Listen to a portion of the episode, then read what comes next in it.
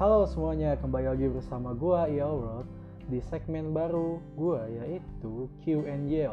Jadi kemarin gue sempat bingung-bingung tentang segmen baru ini bahwa gue melemparkan suatu uh, question box di IG gue dan kalian bakal bertanya kepada gue dan gue sempat bingung segmen gue namanya mau apa yang gue kepikiran adalah gue bikin padanan kata yang ada yell-nya dan ternyata gue kepikiran Q&A kenapa E nya nggak gue ganti jadi yell jadi namanya Q and yell aneh kan?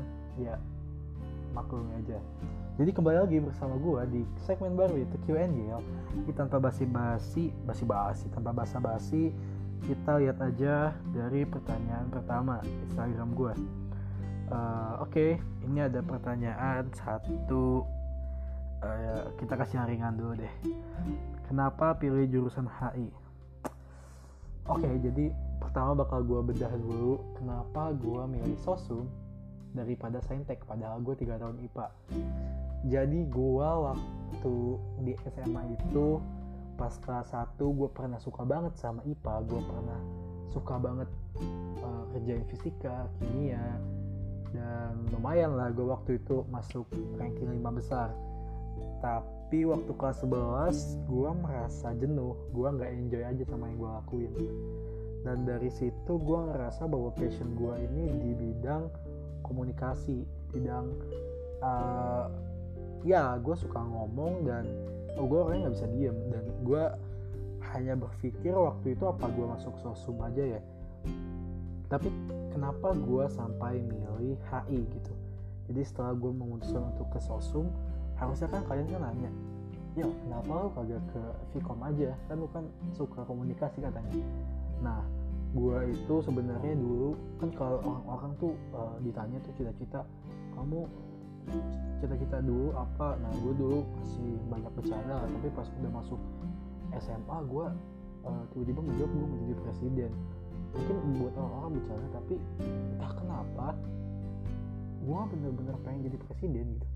Tau kenapa emang aneh gitu. Padahal masih bocah. Ya gitu deh jadi uh, kenapa gue masuk HI karena gue pada dasarnya gue suka sejarah Indonesia gue suka isu-isu politik Indonesia dan gue mencari nih di mana gue bisa menekuni bidang uh, isu-isu luar negeri juga karena kalau menjadi presiden itu kan nggak cuma isu-isu dalam negeri doang yang kita kuasain tapi juga harus isu-isu luar negeri. Dan makan gue juga kalau menjadi presiden gue mau jadi dubes dulunya tapi ketika gue masuk ternyata anak-anak situ banyak yang menjadi diplomat juga. Jadi tidak ada spesial spesialnya itu cerita ya jadi uh, ya itu alasan gue masuk HI ya. Karena emang gue juga dari dulu emang pengen ya yang berbau-bau internasional gitu tapi ternyata pas masuk ya ya itu sih. Ya udah deh gitu deh pokoknya. Lanjut ke pertanyaan kedua. Beropini tentang corona dong. Gimana dari sisi pemerintahan sama masyarakat sejauh ini? Uh, dua-duanya gagap menurut gue dua-duanya gagap. Yang pertama gagap mengantisipasi. Yang kedua itu gagal dalam uh, apa ya namanya gagal dalam uh, melestarikan. Gagal dalam melestarikan kebijakan uh, yang gagal. Gimana ya gue ngomongnya ya? Mau ngomong soket tapi tidak bisa karena podcast saya baru dibangun. Jadi ya seperti itu yang gue maksud gagal antisipasi di sini adalah uh, pemerintah tuh yang perlu kalian tahu yang pertama bebal. Itu yang satu bebal. Kenapa bebal? Waktu bulan Januari profesor dari Harvard sudah bilang bahwa pasti udah ada kasus di Indonesia. Dan gubernur dari DKI Jakarta Anies Baswedan sempat mengirimkan bukti-bukti sampel dari uh, virus COVID ke pemerintah namun ditolak dan pemerintah baru kalang kabut ketika bulan Maret. Yang dulu pada bulan Januari dan Februari dulu Menteri Kesehatan kita Pak Terawan itu sering banget tampil di media. Dia sering ngomong dia sering sharing dia sering jawab jawabin pertanyaan media. Tapi ketika covid ini mulai menyebar luas mulai merebak uh, tanggung jawab dari Pamenkes ini ditarik mulai dari yang istilahnya disorot jadi pekerja di belakang meja. Uh, gue nggak tahu apakah itu kebijakan dari patrawannya yang request ke Pak Jokowi atau itu kebijakan dari Pak Jokowi sendiri.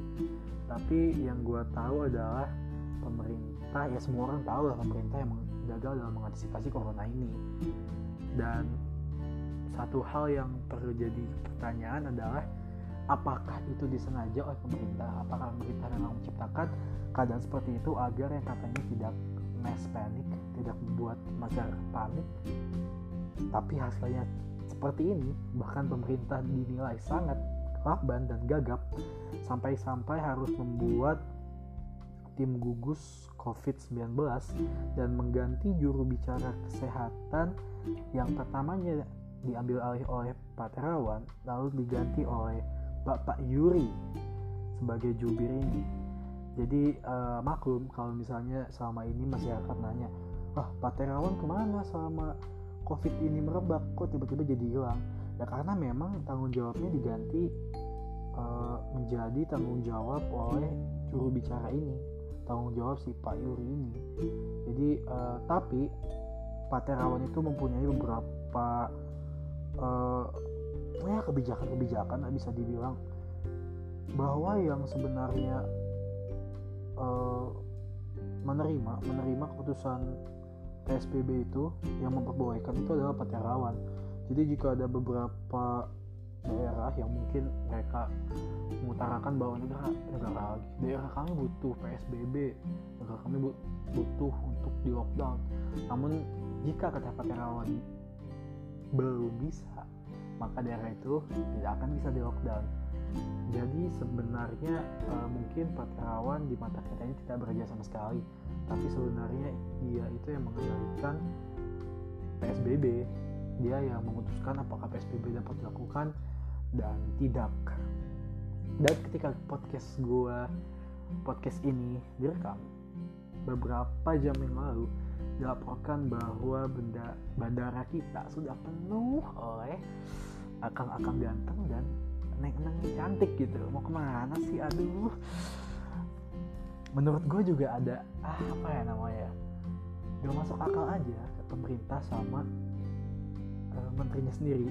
Jokowi sama menterinya sendiri maksud gue jadi waktu itu Jokowi pernah bilang bahwa mudik dan pulang kampung adalah dua hal yang berbeda namun menteri perhubungan kita Bapak Budi mengatakan bahwa pulang kampung dan mudik merupakan hal yang sama. Dan ini hal ini berimbas pada akhirnya dibuka lagi transportasi. Dan ya kita bisa lihat sekarang yang menurut gue di Jabar ini di Jawa Barat ini waktu beberapa hari sebelumnya gue pernah lihat di Instagramnya Bapak Gubernur Jawa Barat Pak Ridwan Kamil bahwa angka-angka kesembuhan ini telah naik dan angka-angka uh, rumah sakit yang dapat menampung pasien-pasien ini sudah mulai meningkat capability of health gitu. Jadi uh, off medical. Jadi uh, udah mas uh, menurut gue curve-nya ini udah mulai flatten. Tapi ketika Pak Menteri Perhubungan mulai memutuskan bahwa sebenarnya bahwa sebenarnya mereka dapat pulang kampung dengan mudahnya. Dengan ditandai oleh pembukaan transportasi ini. Menurut gue ini adalah langkah yang luar biasa sangat bodoh. Susah ngomong apa dah gue duh. Dan gue juga sempat sempat baca artikel artikelnya artikelnya oleh asumsi jadi ada sebenarnya ada opsi yang bisa dilakukan pemerintah yang pertama itu emang PSBB tapi opsinya itu ekonomi turun dan terhambat. Nah, opsi kedua ini mungkin yang uh, pemerintah pilih ya. Jadi PSBB dan lockdown akan dilonggarkan. Tapi mau nggak mau memang pada akhirnya PSBB akan dilonggarkan dan diberhentikan. Aduh, coba gue. Karena pada pada akhirnya mau nggak mau kita harus hidup berdampingan dengan virus covid ini. Karena uh, kemarin gue pernah baca artikel bahwa uh, ada fasenya nanti di mana kita memasuki the hammer dan the dance. Dan menurut gue fase Indonesia saat ini sudah menginjak the hammer. The hammer itu apa sih? Jadi uh, usaha usaha Indonesia untuk memper apa ya namanya memperlonggarkan kebijakan PSBB ini. Jadi pada akhirnya ketika hammer sudah dilaksanakan kita akan memasuki fase the dance. The dance itu apa sih? The dance itu kan kayak orang uh, dansa gitu. Jadi ada yang maju ada yang mundur. Nah uh, diibaratkan dua subjek ini adalah manusia dan covid-19 di mana kita berdua akan hidup berdampingan di mana ketika satu orang maju kita akan maju barengan. Jadi kita nggak ada yang bertabrakan. Dan ketika kita mundur kita mundur barengan. Jadi seperti adaptasi karena kita juga akan hidup di lingkungan yang sama gitu. Uh, ya menurut gua opini gua seperti itu tentang uh, tentang COVID-19 jadi apa kalau bisa ditanya? Jadi lu pro atau kontra terhadap pemerintah ya gue gue bilang baik aja gue tanya baik aja. Menurut lu logis gak melakukan kebijakan seperti itu gitu? Kalau lu pikir logis ya udah. Kalau menurut lu salah ya udah. Karena pada pada akhirnya emang kita harus hidup pendampingan dengan covid ini gitu. Sampai akhirnya vaksin ditemukan. Kapan? Gak ada yang tahu bahkan bisa dibilang lima tahun lagi empat sampai lima tahun lagi. Dan ketika vaksin ditemukan ada lagi virus baru yang akan menyerang kita itu ya sehat-sehat kalian semua. Ya itu seputar COVID-19 ini lama juga gue bahas COVID-19 gila. Oke pertanyaan selanjutnya uh, apa sih aneh-aneh semua mau minta kejelasan orang 2020 udah berhenti bang. Cabut. Uh, oke okay. bagaimana keadaan lu saat ini? Gue baik-baik aja. Gue masih di rumah ya walaupun ya mungkin sebagian orang bilang uh, work from home ini sangat menyiksa mereka.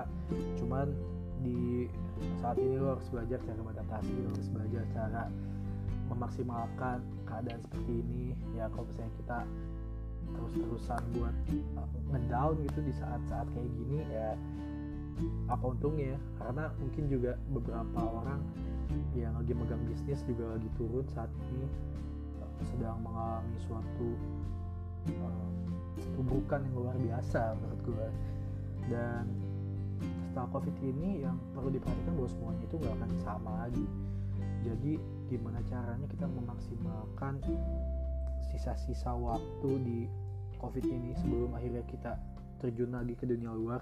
Kita maksimalkan otak kita. Bagaimana caranya kita mengakali keadaan setelah covid ini gitu. Jadi buat kalian yang masih bisa di rumah uh, bersyukurlah gitu. Jangan terlalu tertekan lah. Adaptif aja adaptif. Semangat ya pertanyaan selanjutnya. Gimana cara menjalani hubungan beda? Gimana caranya menjalani hubungan beda agama? Lu nanya ke gua bambang. Kemarin aja kagak ih skip skip. Tidak tidak relevan. Pertanyaan selanjutnya.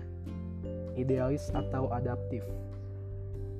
Uh, sebenarnya dalam kehidupan lu butuh dua-duanya. Lu butuh either idealis atau adaptif kenapa? Karena mungkin banyak anak-anak muda yang idealis saking idealisnya mereka nggak mau adaptif sama keadaan.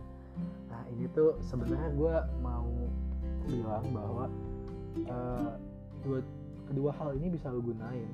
Kenapa? Karena kalau misalnya kita bicara soal konsep hidup atau filsafat hidup ya lo harus idealis. Harus idealis sama uh, visi lo ke depannya lo tahu apa yang lo mau kerjakan. Tapi gimana cara lo mendapatkan itu harus adaptif sama lingkungan sekitar lo harus adaptif sama zaman lo harus adaptif sama era lo gitu. Misalnya nih contohnya kalau misalnya kita ngambil content creator atau mungkin businessman. Misalnya kita udah punya visi nih.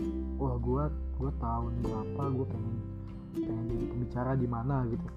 Dan lu sebagai seorang lu bakal idealis. Lu, lu harus idealis lu harus percaya sama visi lu gitu. Lu harus percaya sama apa yang lu percayai. Tapi ketika uh, sudah berbicara tentang metode bagaimana cara lu mencapai visi itu lu harus adaptif. Karena nggak semuanya bakal berjalan sesuai dengan lu ekspektasi gitu.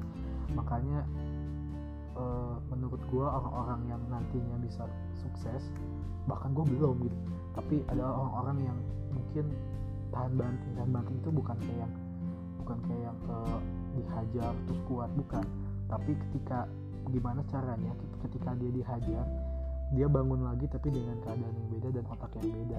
Sehingga dia bisa menghasilkan sesuatu yang baru. Dia gagal tapi bukan bangkit lagi jadi orang yang sama.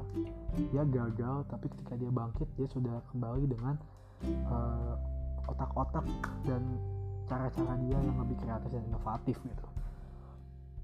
Kalau berbicara soal kehidupan menurut gue seperti itu sih. Selanjutnya duh dikit lagi aja deh udah 16 menit gila. Iya mas. Eh, jangan ini dong. Aduh Nayota ama anda. Aduh apaan sih? Gak jelas betul naik uh, kenapa nickname-nya Fruit kenapa gak IEL internasional atau IEL global? Naon nah, mungkin mungkin gue jawabnya kenapa nama gue IEL World ya. Jadi sebenarnya simple. World itu kan artinya kan dunia gitu. Ya ketika gue menghadirkan platform platform di mana aja gue menghadirkan nama IEL World ya artinya di mana ketika kalian mengunjungi platform gue kalian akan mendapatkan bahwa platform ini berisi perspektif gue tentang dunia ini gimana gitu. Ekspektasinya gitu sih nggak tahu realitanya gimana ya.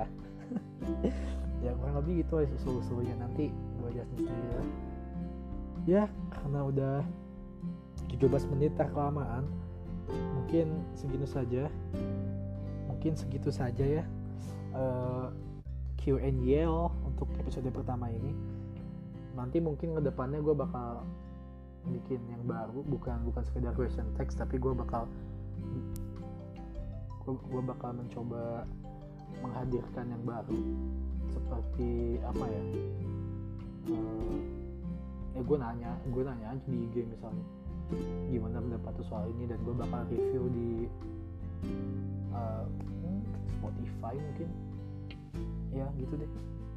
Ya terima kasih buat kalian yang udah uh, nontonin nah, nontonin yang udah dengerin gue di Spotify ini. Gue juga masih belajar bagaimana cara gue bikin podcast tapi setidaknya selama corona ini gue mau belajar bagaimana cara podcast bagaimana cara public speaking. Pertama di digital dulu baru nanti gue uh, semoga gue bisa menjadi pembicara di suatu event atau gimana gitu. Tapi gue mau belajar dulu bagaimana cara gue mau saya public speaking dan yang lain. Btw tadi ada yang nelfon gue kalau suaranya masuk kebaikan saja ya. Udah terima kasih semuanya. Uh, sehat-sehat semuanya and enjoy the world. Anjas apaan tuh thank you